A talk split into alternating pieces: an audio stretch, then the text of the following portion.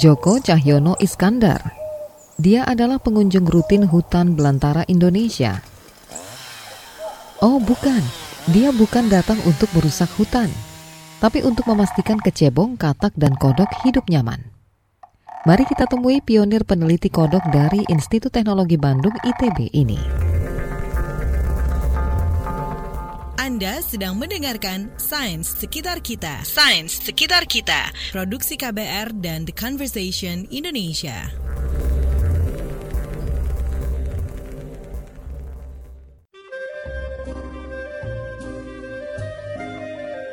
Sekitar 30 tahun lalu, Profesor Iskandar pulang ke tanah air setelah menyelesaikan studi master dan doktornya tentang tikus di Prancis. Tapi apa boleh buat, peralatan penelitian tikus terlalu mahal dan dia tidak punya cukup uang. Langsung saja, dia ganti objek penelitian menjadi kodok. Memang waktu awal itu ditertawakan ya, ngapain sih kerjain kodok gitu ya? Nggak ada yang lebih lebih penting gitu ya. Nggak ada yang lebih menarik gitu ya. Kalau saya dengan mahasiswa mengatakan lebih baik jadi raja semut daripada jadi buntut gajah ya. Men, kalau kau ngikuti arus gitu kan wah orang senangnya misalnya molekuler gitu ya. Ya kalau sudah ada rajanya di situ ya kita cuma jadi buntut ya. Tapi kalau kita mulai sesuatu ya kita jadi raja di situ ya. Profesor Iskandar ingat betul, waktu itu hanya ada tiga makalah tentang kodok yang ditulis orang Indonesia pasca Perang Dunia Kedua. Sangat timpang dengan penelitian dari luar negeri yang seabrek-abrek. Tapi itu justru bikin semangat dia berlipat-lipat. Waktu saya mendapatkan kesempatan untuk meneliti langsung di lapangan dan menemukan bahwa katak itu yang saya temukan waktu saya umur 26, 30 tahun kemudian ketahuan bahwa dia tuh tidak berparu-paru, dunia geger.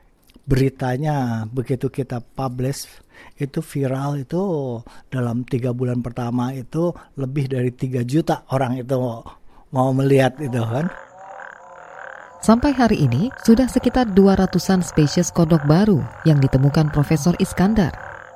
Misalnya, kodok terkecil di dunia dan kodok yang bisa melahirkan kecebong. Namanya juga bolak-balik dapat penghargaan dan masuk jurnal internasional.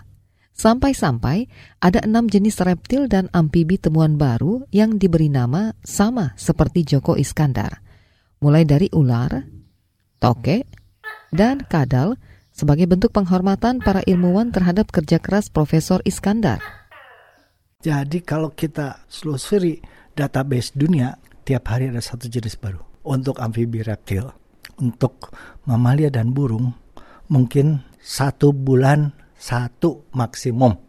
Kita satu hari satu. Ya jadi progresnya cepat sekali. Mungkin akan lebih banyak karena jumlah penelitinya jadi banyak ya. Karena sekarang ini eh, orang berlomba kan hampir semua hutan di Indonesia sudah dia masuki. Favoritnya adalah hutan di Kalimantan dan Papua yang relatif bagus meski terancam deforestasi. Di Belantara, dia harus bertahan hidup sebulan sampai tiga bulan untuk mencari kodok jenis baru. Gak gampang, apalagi usianya sekarang sudah 68 tahun. Itu memang membutuhkan fisik yang prima ya, kan namanya juga ke hutan ya kan nggak bisa mengharapkan hotel bintang tiga begitu ya. Ya jadi kalau bisa tidur di kemah atau di flying camp itu sudah bagus gitu ya. Belum lagi kualitas makanannya yang jelek dan sebagainya. Ya ya bagaimana kita mengharapkan stick ya tengah hutan ya, ya. waktu saya di Aceh udah pulang dari hutan saya mandi mandi kan di sungai batunya besar-besar itu ya ya mungkin 3 sampai 5 meter. Jadi kan nggak usah cari tempat sembunyi ya. Mandi di situ. Setelah mandi masuk ke camp ya. Ganti-ganti pakaian kan. Waktu saya keluar batu-batunya hilang. Ada banjir bandang. Ya di batu-batu yang 3 meter itu tenggelam semua ya.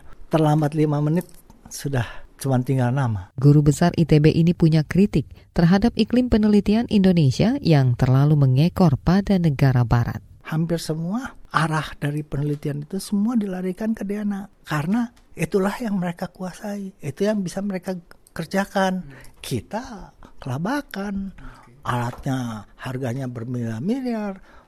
Zat kimia juga harganya ratusan juta gitu kan? Gimana kita mau bersaing ya sedangkan yang kita bekerja dengan rekan-rekan hidup misalnya bagaimana tumbuhan menghasilkan oksigen dan sebagainya itu datanya kosong. Padahal kita bisa juga kerja di situ, cuman karena sudah diarahkan ke situ menjadi tidak populer buat mahasiswa kita. Mereka maunya yang wah juga gitu.